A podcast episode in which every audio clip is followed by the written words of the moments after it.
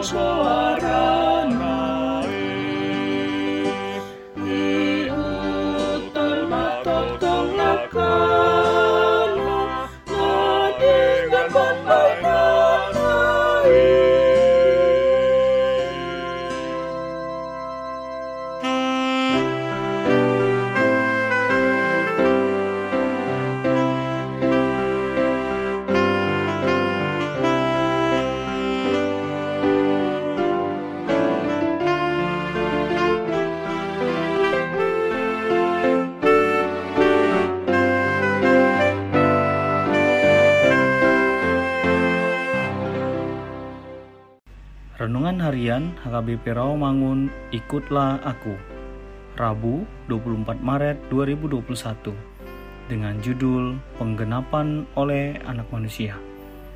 Bacaan kita pada pagi hari tertulis dalam Hagai 2 ayat 1 sampai 9 dan bacaan kita pada malam hari tertulis dalam Yohanes 12 ayat 34 sampai 50. Dan kebenaran firman Tuhan untuk kita pada hari ini tertulis dalam Lukas 18 ayat 31 yang berbunyi Yesus memanggil kedua belas muridnya lalu berkata kepada mereka sekarang kita pergi ke Yerusalem dan segala sesuatu yang ditulis oleh para nabi mengenai anak manusia akan digenapi. Demikian firman Tuhan. Tuhan Yesus Kristus, Dialah Mesias dan anak manusia yang berasal dari Allah Bapa untuk menyelamatkan manusia dari kegelapan dosa serta penggenapan atas hukum Taurat. Itulah tujuan Allah dalam menggenapi hukum Taurat dan kitab para nabi melalui diri Tuhan Yesus.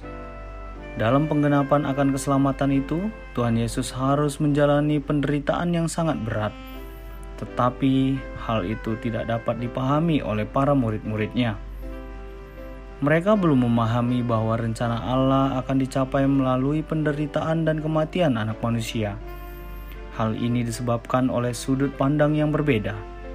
Karena keselamatan atau pembebasan yang mereka pahami hanya sebatas bagaimana lepas dari kekuasaan Romawi. Sementara rencana Allah lebih besar dari apa yang mereka pahami itu. Akibatnya, mereka tidak memahami maksud dari perkataan Tuhan Yesus tentang penderitaannya. Demikian halnya dalam kehidupan kita saat ini. Ada orang yang salah memahami ketika dia menjadi pengikut Tuhan Yesus, di mana mereka berpikir bahwa dengan menjadi pengikut Yesus atau menerimanya sebagai juru selamat bagi kehidupannya, maka akan secara langsung terbebas dari masalah, kesulitan, serta penderitaan. Tetapi kenyataannya tidak di mana masalah atau tantangan harus mereka hadapi setiap hari di kehidupan ini, sehingga tidak sedikit ada yang akhirnya menjadi kecewa.